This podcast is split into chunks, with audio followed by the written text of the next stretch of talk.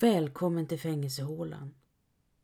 Här synar jag gamla kriminalfall, eller very cold cases. Och även om jag dramatiserar en aning försöker jag hålla mig så nära sanningen som möjligt. Brotten som jag tar upp är både kända som okända och spänner över det mesta från fylleri till mord. Idag ska vi prata om hösten 1862 när Anna-Britta Persson slog Marbolotta så att hon dog. Om man ska tro spänningsromaner och deckare kryllar världen av seriemördare.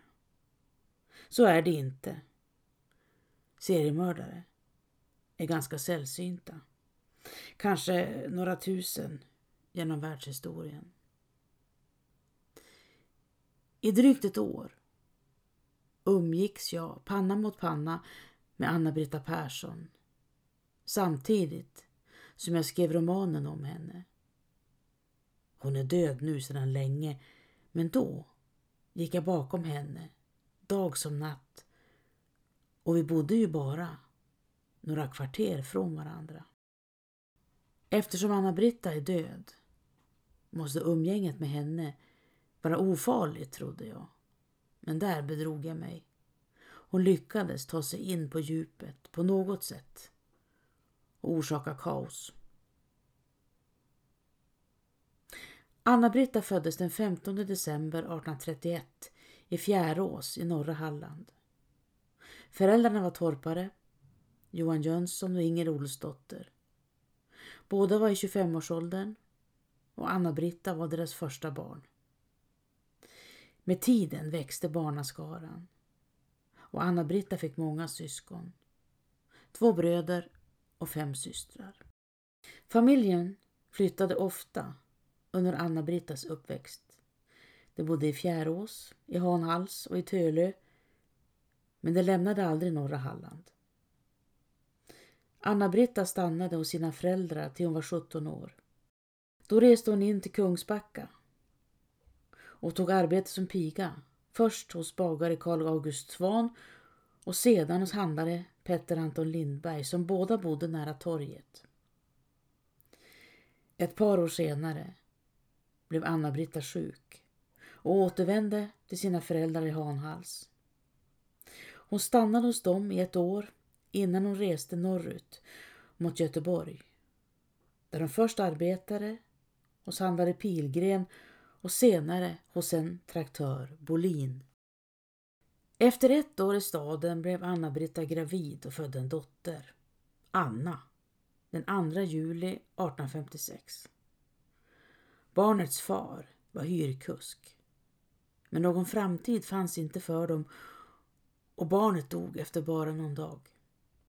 Anna-Britta återvände till sina föräldrar i Halland igen. Hon arbetade hos länsman Skanse i Veddige och hos organist Engström, också i Veddinge, innan hon blev sjuk för andra gången och tvingades till vård på Varbergs lasarett. 1861, frisk igen, reste Anna-Britta till Göteborg för andra gången. Hon skulle fylla 30 år i december och hyrde in sig hos en fru Inga Jonsson som bodde på Nygatan i förstaden Haga. Här, i Haga, var det trångt, smutsigt och fattigt. Människor var i ständig rörelse, kom och gick. Här fanns handelsbodar, månglerskor, dass ute på gårdarna och husen var låga och slitna. Anna-Britta hyrde mest troligt en soffa eller möjligtvis en säng hemma hos Inga Jonsson. Det var ont om bostäder och soffuthyrning var ett ganska vanligt arrangemang. Soffan eller sängen blev den fasta punkten i tillvaron och ägodelarna fick plats på golvet under. Anna-Britta tog arbete som piga igen. Men inte i ett hushåll utan mer på frilansbasis. Hon bodde hemma hos fru Inga Jonsson och högg in där det fanns behov. Ibland i ett särskilt hem på en bestämd tid, någon gång i veckan, andra gånger som en engångsföreteelse. Hon städade, sopade, tvättade, lagade och lappade åt andra. Samtidigt som hennes egen verksamhet tog form. Det hade med största sannolikhet börjat redan i Kungsbacka, eller varför inte ännu tidigare. Och det fortsatte i Göteborg. Det var ensamma i salongen, pigan och den sovande handlaren. Anna-Britta sträckte på sig för att få en skymt av fru Bolins broderi. Det föreställde en kvinna som satt framför en spis med ett barn i knät. Hemmets härd stod det skrivet med korsstygnsbokstäver. Handlaren snarkade och kroppen skakade men sjönk sedan tillbaka i fåtöljen igen. Det var i samma stund som hon upptäckte den. Den låg på tebordet och liksom blänkte. Bolin snarkade i långa djupa tag. Huvudet låg åt sidan och en tunn strimma saliv glittrade i skägget. Anna-Britta förstod först inte vad hon såg men det märkliga föremålet fick henne att gå närmare. Var det en medalj eller kanske en snusdosa som låg där? Nej, nu såg hon. På tebordet låg ett fyra dollar mynt. Anna-Britta stirrade på lejonet i kronan som prydde ytan. Myntet låg naket och ensamt bredvid handlarens pipa och askfat. Någon borde stoppa ner den i en portmonnä, tänkte hon. Anna-Britta smög fram till bordet och tog på pengen. Ytan var kylig och glatt. Fyra dalen var värd mer än fyra dagsverken. Den som ändå ägde ett sådant. För den här runda dyrgripen kunde hon köpa två skålpunsch chokladpraliner. Hon betraktade den sovande handlaren. Han måste ha glömt att lägga undan den. Kokerskan nynnade ut i köket. Var det andra höll hus visste hon inte och det spelade ingen roll heller för här i salongen fanns Anna-Britta och en fyradaler. Rörelsen var så förvånansvärt enkel. Pengen försvann in i näven och fortsatte ner i klänningsfickan. Myntet hade aldrig legat på bordet. Det var ett misstag. För vem vill ligga ensam? Fyradollarn hörde hemma i hennes skrin bland de andra skatterna och inte tillsammans med Bolins mynt i en handlares många gömmor. Nålar eller pengar, tänkte Anna-Britta medan hon bar ut resten av disken. Det gick några dagar, men till Anna-Brittas stigande förvåning hörde hon varken herrskapet eller husan nämna Fyladalen på tebordet. Det måste ha gått dem förbi. Anna-Brittas mod växte. Efter en tid vågade hon sig in i handelsbodar där hon presenterade sig som bud som skulle hämta tyger för påseende. Bland annat fick handelsfilmen Wettergren och Söderström på Södra Hamngatan besök, liksom Paul Schröders handelsbod, inte långt därifrån. Handelsbeträdet tittade på Anna-Britta. Så ni är skickad av fru Bolin, sa han. Ja, frun är opasslig. Biträdet tryckte ihop sina händer. Halsen och nästan lika blek som hans skjorta. Gardintyger, upprepade han. Just det. Jag ska se efter vad jag kan göra. Det är tacksamt med så trogna kunder. Han försvann ut på lagret. Anna-Britta övervägde att rusa ut i kylan igen men så hörde hon hur det prasslade angenämt ute på lagret. Biträdet kom tillbaka med ett stort paket inslaget i brunt papper. Varsågod, sa han. Ni kan hälsa fru Bolin. Tack, mumlade Anna-Britta. Biträdet låg och bugade. Hur tänker fru Bolin ge besked nu när hon inte är kry? frågade han. Frun skickar bud, svarade Anna-Britta snabbt och tog ett steg närmare utgången. Paketet vilade stadigt i hennes händer och hon var fri att gå. Anna-Britta gjorde om det några gånger, men inte så ofta att hon blev igenkänd. Och när handelsfirman tog kontakt och frågade försynt om någon av tygerna passade var Anna-Britta redan långt borta. I november samma år lärde Anna-Britta känna Magnus Persson från Skåne. Han var sex år yngre än hon, blond och arbetade skift på gasverket, varannan vecka dag och varannan vecka natt. Magnus var ganska ny i Göteborg och bodde i glasmästare Bengtssons hus på Bergsgatan 20, bara några kvarter från Inga Jonsson. Hans äldre bror Nils var husar vid regementet och hade sällskap med en kvinna som kände Inga Jonsson. När Anna-Britta och Magnus träffades uppstod snabbt intresse och de beslutade sig för att gifta sig. Anna-Britta tjatade på Inga Jonsson och försökte övertala henne att hålla bröllop för dem och till slut gav Inga Jonsson motvilligt med sig. Anna-Britta och Magnus hade ingen bostad ännu utan Anna-Britta bodde kvar hos Inga Jonsson på Nygatan i två månader till innan Magnus hittade ett spisrum åt dem i korsningen mellan Nygatan och Landsvägsgatan i Haga. I husets bottenvåning fanns ett bageri och klubben Stugans lokaler tog upp nästan hela övervåningen. Spisrummet fanns i gårdshuset och låg vägg i vägg med den allmänna vinden mitt emot ett vedlager. Här fanns många skavanker och Anna-Britta sa senare att hon vantrivdes i rummet. Värst var nog att järndörren ut mot minden var trasig och stod öppen. Så det var fri insyn in till dem.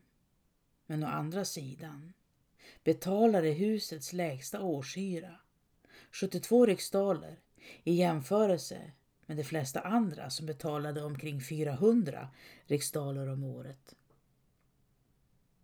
Magnus och Anna-Britta köpte en gammal järnsäng och möblerade rummet med en soffa, ett gammalt bord, en skänk, en draglåda och några trästolar.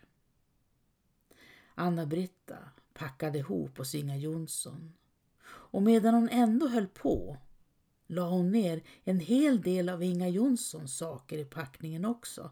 Sånt som hon nog skulle behöva. Som porslin, kokkärl och handdukar. Hon brydde sig inte om ifall Inga Jonsson skulle bli arg på henne. Förresten, vad hade hon gjort henne? Nej, inget gnäll tack, tänkte Anna-Britta och vände Inga Jonsson ryggen. Magnus fortsatte att arbeta skift på gasverket och Anna-Britta drygade ut deras inkomster med att tvätta och städa och sy åt andra. Varje vecka överlämnade Magnus sin lön till Anna-Britta som skötte deras utgifter. På utsidan liknade Anna-Britta vem som helst. Hon var 160 centimeter lång, hade mörkbrunt hår och blå ögon. Men vid sidan av Magnus tvätten och städandet gick hon sällan miste om ett tillfälle att stjäla eller lura till sig saker. I början norpade hon mest från sina arbetsgivare. Det med mycket pengar. Typ, du har så mycket och jag ingenting. Men så småningom började hon även stjäla från sina vänner som var lika fattiga som hon själv. Ingen gick säker för Anna-Britta Persson. Hon var ständigt på sin vakt och beredd att skrida till handling. Vid ett tillfälle bad hon att få låna sin vän Emma Nilssons vigselring för att pryda sig. Men istället gick hon bort till slaktaren och köpte fläskkotletter för ringen. Det blev sommar 1862. Anna-Britta började inse att hon var gravid och i början av augusti drog det ihop sig till Larsmes marknad. Gatorna förvandlades till trånga heta gränder av all uppståndelse och Göteborg svämmade ännu en gång över av tillresta försäljare bärande på höga näskrus, målade möbler och broderade dukar. Anna-Britta rörde sig ovanligt långsamt denna förmiddag när hon strök omkring i vimlet. Herregud vad slak jag är, tänkte hon. Det måste vara ett dåligt tecken. En bit från domkyrkan bildade några lådor ett stånd liksom andra dussintals liknande skapelser av bräder och papp hade det rests under gårdagen. Anna-Britta kastade en förströdd blick mot disken genom sitt dis av upplösning. Genast upptäckte hon den vita bomullsväven. Den låg och lyste mellan en trave blårandiga kuddvar och en packe gröna och gula vävar. Bakom lådorna stod en högrest mörkhårig flicka. Hon höll ena handen i sidan och med den andra rättade hon till ett rutigt duktyg som hamnat längst ut på trädisken. Det må jag säga, sa Anna-Britta. Det här måste vara vävda av en mästare. Ja, svarade flickan. Det är ju min mor som har vävt. Jag heter Lotta, sa hon sedan. Lotta Andreas dotter, eller Marbolotta som hon kallades, var 23 år och kom från Marks härad i södra Västergötland. Hennes far, bonden Andreas Börjesson, handlade med tyger och Lotta hyrde ett litet rum på Tygårdsgatan 4 nära Kronhuset under perioder som hon gick runt i staden och sålde. Jag tror aldrig att det varit så varmt på Larsmäss när jag varit med och klockan är inte ens tolv, sa Lotta. Nej, Sannerligen, svarade Anna-Britta och strök över tyget. Några dagar senare knackade på dörren. Anna-Britta hade varit så säker på att Lotta inte skulle bry sig om hennes inbjudan att hon nästan glömt bort den. Lotta är välkommen att titta på mitt lager, hade hon sagt. Jag brukar handla med utländska skeppare i ångbåtshamnen om det skulle intressera henne. Ångbåtshamnen. Lotta hade smackat på ordet som om det vore utrikiska. Då, på Larsmäss. Nu stod hon i Anna-Brittas spisrum. Kanske kan fru Persson hjälpa mig, sa hon. Lotta förde in handen under klänningen och trevade. Upp kom en liten skinnpung. Den hade legat och gonat sig i mörkret, gömd mellan hennes bröst. Och Madame Persson kunde beställa tyger åt mig också, sa Lotta och sträckte fram 70 riksdaler. Anna-Britta stirrade ner i handflatan. Golvet gungade till under henne. Flickan, Lotta, kände hon inte. Men hon måste vara himlasänd. Med ens hade Anna-Britta pengar. Hon betalade av krediter, betalade hyran i förskott för några månader och köpte kläder åt Magnus. Först en bit in på hösten hörde Lotta av sig igen. Anna-Britta hade nästan glömt bort henne. Tygerna som fru Persson handlat åt mig, sa Lotta, det är från utrikiska båtar. Ja, svarade Anna-Britta, det ligger på tullkammaren för granskning. Lotta stirrade misstroget på henne. Fortfarande? Ja, det tar sin tid. Det vet väl alla människor att varor kontrolleras. Lotta får lugna sig lite. Men Lotta måste genast ha tygerna.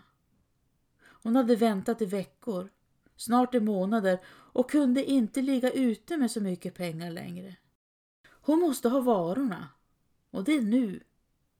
Om det fanns några varor vill säga, sa hon till Anna-Britta och tittade skarpt på henne. Annars ska jag ha tillbaks mina pengar. Fru Persson vet, mina 70 riksdaler. Den 25 oktober gick Lotta ännu en gång upp för trapporna till Perssons spisrum på Landsvägsgatan. Men, utbrast Magnus som öppnade. Hur är det fatt? Lotta var blek och glåmig. Hennes far måste betala en stor skuld till Almedals magasin, sa hon. Och han behövde hennes pengar. Hon sjönk ner vid bordet som om benen inte skulle bära henne längre. Jag undrar när fru Persson tänker betala mig, sa Lotta högt. Annars måste jag gå till polisen. Anna-Britta reste sig upp och tog tag i Lottas arm. Kom så går vi ut en stund, sa hon. Kom så ska Lotta få se. De gick ner mot hamnen, men Lotta tvingades stanna och kräkas flera gånger under vägen.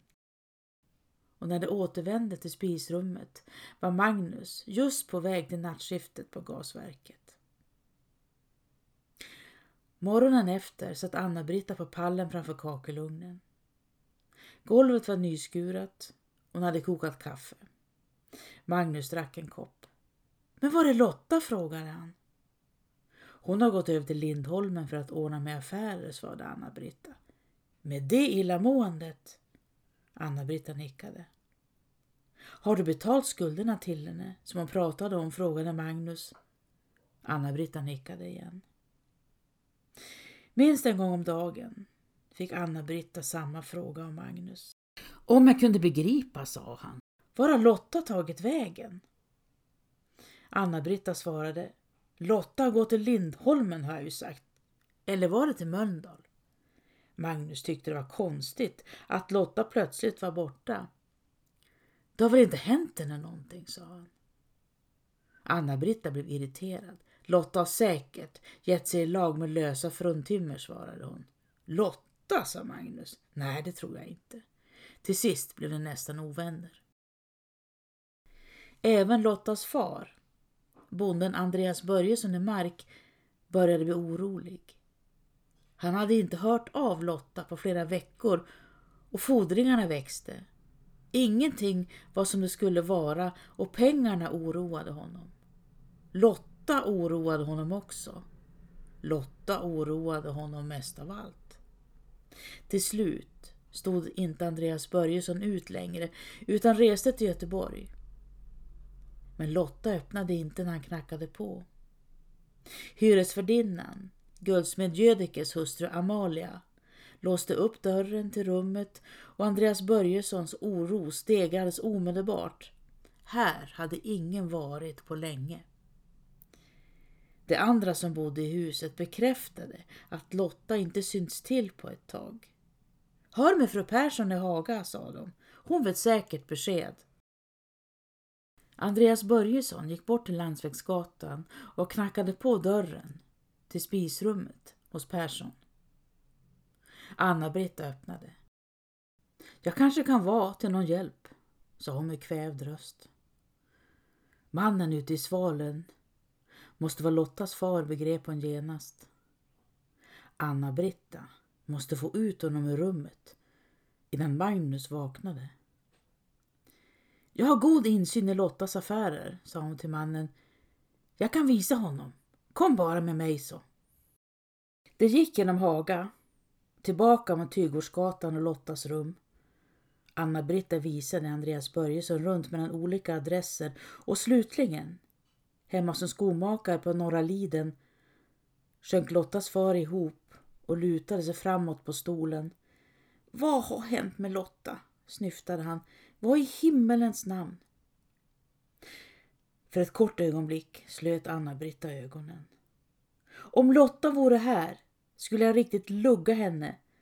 För Lotta borde veta bättre än att göra så här mot sin far, sa hon. Anna-Britta sneglade ner mot honom och hoppades att orden gjorde gott. I flera dagar sökte det, men till slut tvingades Andreas Börjesson, som hyrt in sig hos en handlare på Sillgatan, att resa hem igen. Tänk om Lotta har drunknat, utbrast Anna-Britta. Man borde kanske dragga efter henne. Hösten var ovanligt kall. Den 8 december gick Anna-Britta hem till sin väninna Emma Nilsson som bodde i glasmästare Bengtssons hus på Bergsgatan där Magnus bodde tidigare. Det var förresten Emma Nilsson som lånade ut vigselringen till Anna-Britta, den som blev till fläskkotletter. Anna-Britta hade gjort det till en vana att varje gång hon besökte Emma Nilsson bära med sig någonting hem. Den här gången återvände hon till Landsvägsgatan med några av Emma Nilssons klänningar och en portmonnä som legat i en låda inne i lägenheten och som egentligen tillhörde en gammal släkting till Emma. Någon dag senare gick Emma Nilsson förbi pantbanken och i skyltfönstret hängde en av hennes klänningar. Emma begrep genast hur det hängde ihop och kände att nu fick det vara nog. Hon vände sig till polisen som arresterade Anna-Britta Persson. Magnus tog till flykten. Han rusade hem till sin vän Svante Nilsson som också bodde i glasmästare Bengtssons hus på Bergsgatan. Svante var förresten gift med Emma som polisanmält Anna-Britta. Där kan jag aldrig mer bo, klagade Magnus Persson och bad att få stanna ett tag. Samma kväll kom snickare Lindberg förbi och berättade att man hittat kvinnokläder, närmare bestämt en yllesjal, en svart kofta och en bomullsduk på dasset ute på Landsvägsgatan.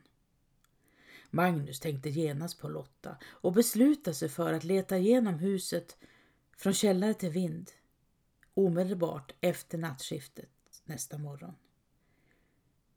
Nu tror jag det ena blir galnare än det andra, sa han högt. Imorgon ska jag leta i varje vrå.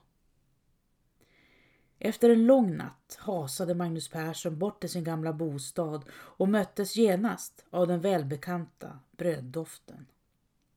Bagarmästaren stod ute på gården och de hälsade avvaktande på varandra. Magnus mådde illa och var hungrig på samma gång. Han kände att han måste hämta någon och flämtande bultade han på snickare Lindberg som tack och lov var hemma. Männen gick igenom vedskrubben uppe på vinden och när de lyfte undan de översta vedträna blottades fläckar av torkat blod. Det är från i somras när jag blödde näsblod, sa Magnus och spände ögonen i Lindberg.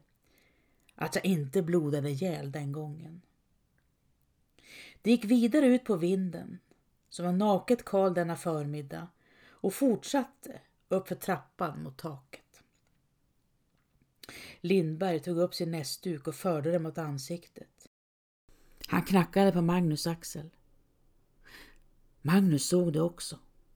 Bräderna ovanför huvudet låg i en lång död rad men en av plankorna hade hamnat lite på sned och bröt den strikta ordningen. Magnus höll andan. Hjärtat hamrade envist i bröstet pumpade ut blod i kroppens alla skrymsen. Han såg hur Lindberg började rucka med ena handen. En kort andlös stund passerade innan Lindberg ropade. Här ligger någonting. Herre Jesus, vad är det här? Det känns som en människa. Kroppen låg instoppad bland sågspånen. En mörk strimma hår föll ut genom hålet och ringlade sig som en orm. Det var en kvinna. Hon låg på mage och en skog av tjockt brunt hår dolde hennes överkropp. Kvinnan var endast klädd i lintyget. Hennes slutna ansikte var täckt av blod och spån. Liket hade stympats vid ljumskarna och längre in i mellanskäret låg benen slarvigt intryckta efter varandra. Ovanpå spisrummets tak fanns ett litet utrymme, en extra vind eller ett mellanskär och där hittades Lottas kropp. Avsky bröt ut, förstämning och förskräckelse. Men kunde Anna-Britta Persson verkligen vara skyldig? Så här beter sig inte kvinnor. Det var ett alldeles för blodigt och tungt arbete för en kvinna. Hon måste åtminstone ha haft hjälp. Det enda sättet att ta sig in i mellanskäret var att gå ut med husets yttervägg upp mot skorstenspipan. Skulle Anna-Britta Persson verkligen ha släpat Lottas kropp och hennes ben upp på taket? Efter någon vecka häktades även Magnus, men han släpptes igen när det stod klart att han verkligen arbetat just den natten. Rättegången blev lång och komplicerad. I april födde Anna-Britta sitt barn i fängelset. Pojken fick namnet Per och Magnus Persson hämtade hem honom. Anna-Britta förhördes ingående och berättade att tygerna som Lotta beställt funnits ombord på den engelska ångbåten Harlequin. Hennes kontakt på Harlequin var en engelsk karl med namn Winkel som pratade hygglig svenska. Det blev många förhör. Magnus bror, husar Nils Fritz, berättade att han ofta besökt sin bror och svägerska men att han aldrig sett främmande sjömän hemma hos dem. Vid ett tillfälle hade han träffat Lotta. Hon hade påpekat att hans portmonnä nog hellre skulle passa ett fruntimmer och undrade om han ville byta med henne. Inga Jonsson, kvinnan som Anna-Britta bott hos innan hon gifte sig, berättade att Anna-Britta förmått henne att borga åt sig i eget namn hos en städerska ombord på ångfartyget Halland. Tullare Johansson, som Anna-Britta påstod har skött kontrollen av tygerna som hon köpt åt Lotta, svor på att han visserligen tjänstgjort på Skeppsbron just den månaden, men att han inte haft med ångfartyget Harlequin att göra. Anna-Britta ändrade sin historia flera gånger. Hon och Lotta hade gått ner till ångbåtshamnen. Benen bar knappt Lotta och under hela vägen snavade och vinglade hon som om hon var drucken. Lotta mådde illa och kräktes. Men när hon fick veta att Harlekin låg förtöjd vid kajen ilsknade hon till och trots att Anna-Britta varnade henne klev Lotta ombord och krävde att få sina tyger. Anna-Britta stannade på land och efter en stund kom Lotta tillbaka igen, ursinnig. Några engelska sjömän klädda i röda skjortor lommade efter dem ända bort till Landsvägsgatan, upp för trapporna och in i rummet. Männen hällde upp några supar. Anna-Britta smakade lite, men Lotta drack botten ur och blev så bedövad efteråt. Och som på ett givet tecken tog männen tag i Lotta och drog ut henne på vinden. En av dem sa åt Anna-Britta på skarpen att hon måste hålla tyst, annars skulle det gå illa för henne. En av männen, han som hette Winker, var klädd i en blå skjorta mot de andras röda. Han sa till henne innan de lämnade rummet att Lotta ligger bland träplankarna och där kommer Anna-Britta också att hamna om hon inte håller tyst. Anna-Britta berättade att det snöat kraftigt i mitten av december. Hon hade gått upp på taket för att röja undan det värsta och i samma stund hittade hon en kjol, en stubb och en krinolin. Kära hjärtanes, det måste ju vara Lottas. Polisen lyckades spåra upp en av sjömännen som arbetade ombord på Harlequin under natten mot den 26 oktober. Alfred Denham hette han. Ingen i besättningen var klädd i röda skjortor, förmedlade han genom tolken, den engelske konsuln Doff, och inga fruntimmer hade funnits ombord. Ingen i besättningen hette Winker. Winker passade förresten illa med engelska språket och ingen i besättningen kunde ett ord svenska. Med andra ord, vad är det för dumheter? Den 29 juni dog sonen Per. Och ungefär samtidigt försämrades Anna-Brittas hälsa. Hon måste bäras till rättssalen och vissa dagar var hon så sjuk att man höll förhören inne i cellen. Anna-Britta uppträdde mer och mer förvirrat och till slut skickade man henne till hospitalet för att undersöka om hon var sinnessjuk på riktigt. Men efter flera veckors observation visste man varken mer eller mindre. Enligt läkarna gick det inte att avgöra om Anna Brita Persson led av sinnessjukdom eller om hennes agerande uteslutande var ett verk format av ett ont och förvridet sinne. Hospitalet som låg i Nylöse var en mardröm. Det blåste och regnade in och mögel växte längs väggarna. Till slut stampade utredningen stilla. Man kom ingen vart och visste varken ut eller in.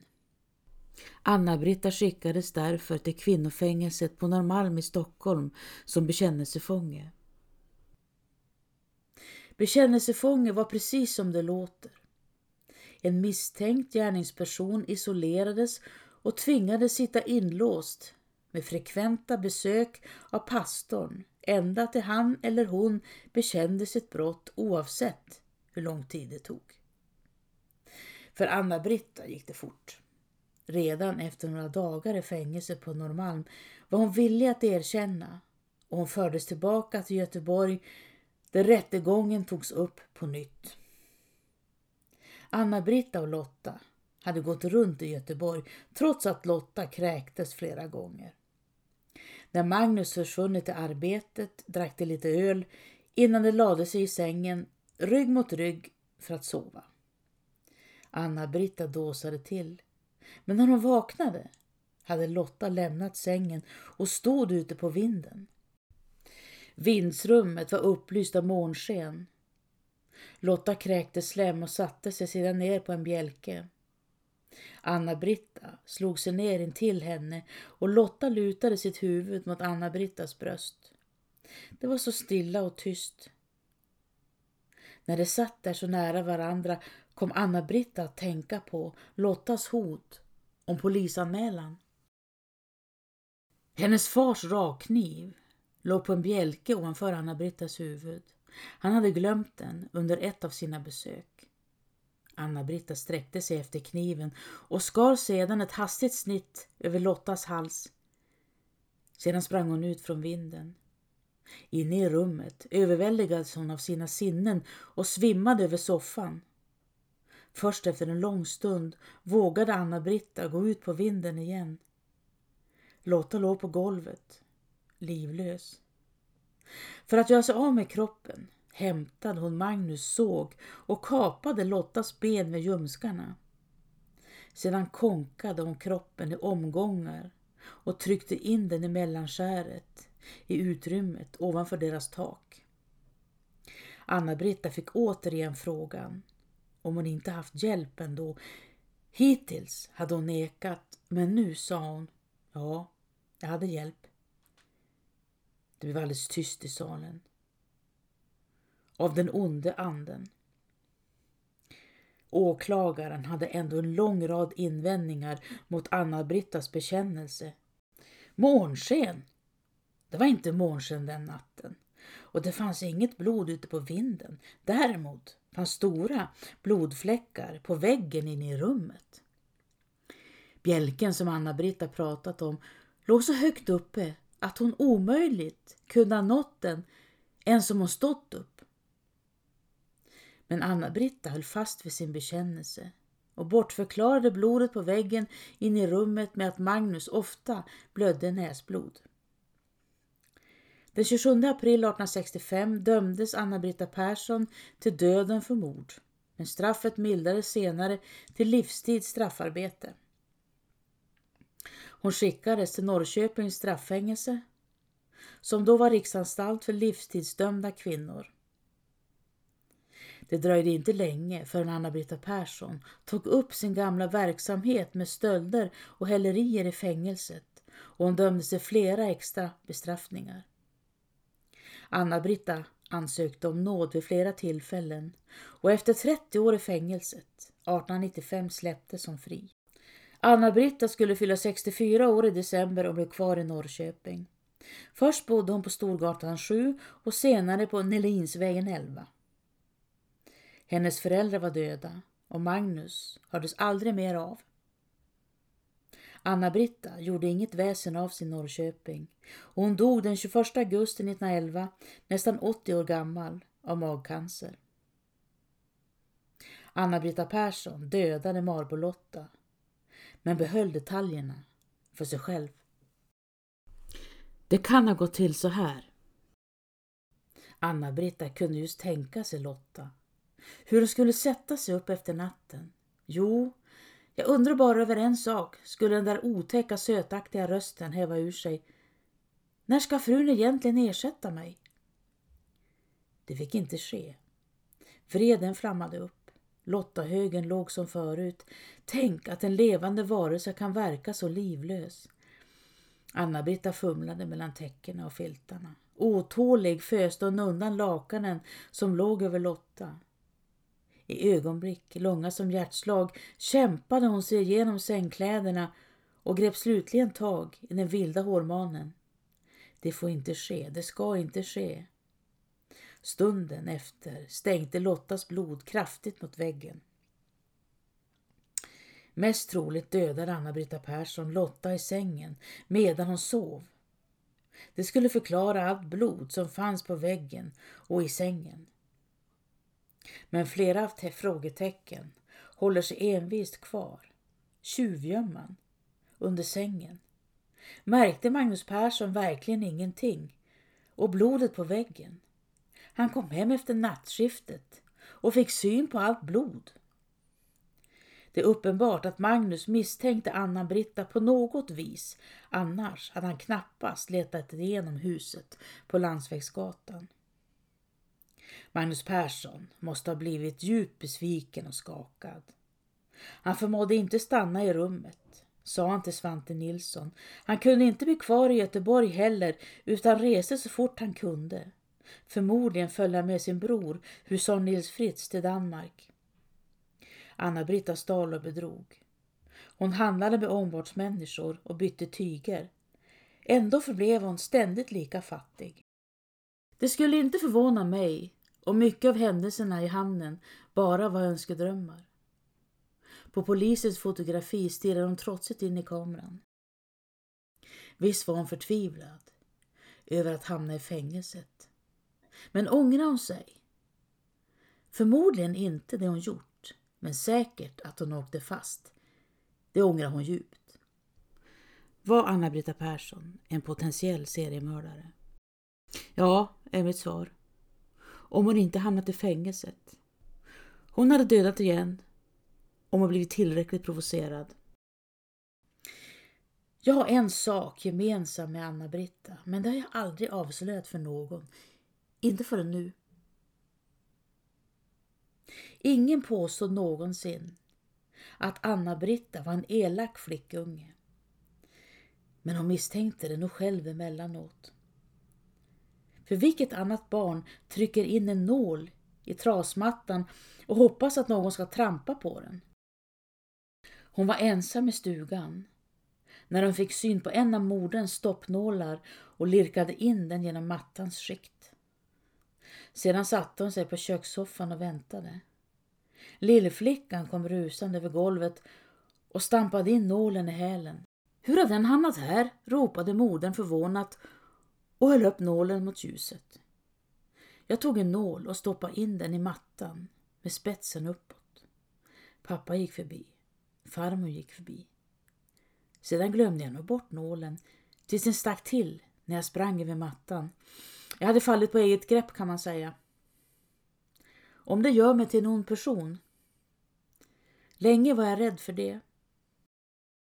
Att umgås med Anna-Britta Persson panna mot panna var en dyrköpt erfarenhet. Jag filtrerade allt ur hennes synvinkel och det fick mig att tvivla på mig själv. Jag kanske också är så här, tänkte jag. Tills jag av en slump hamnade bredvid en psykiater under en middag. Han sa Inom varje människa finns en liten psykopat. Acceptera det. Det är inte farligt. Jag tittar på polisens fotografi av Anna-Britta Persson. På de långa smala fingrarna och in i de stora uppspärrade ögonen. Där finns sorg. Mycket sorg.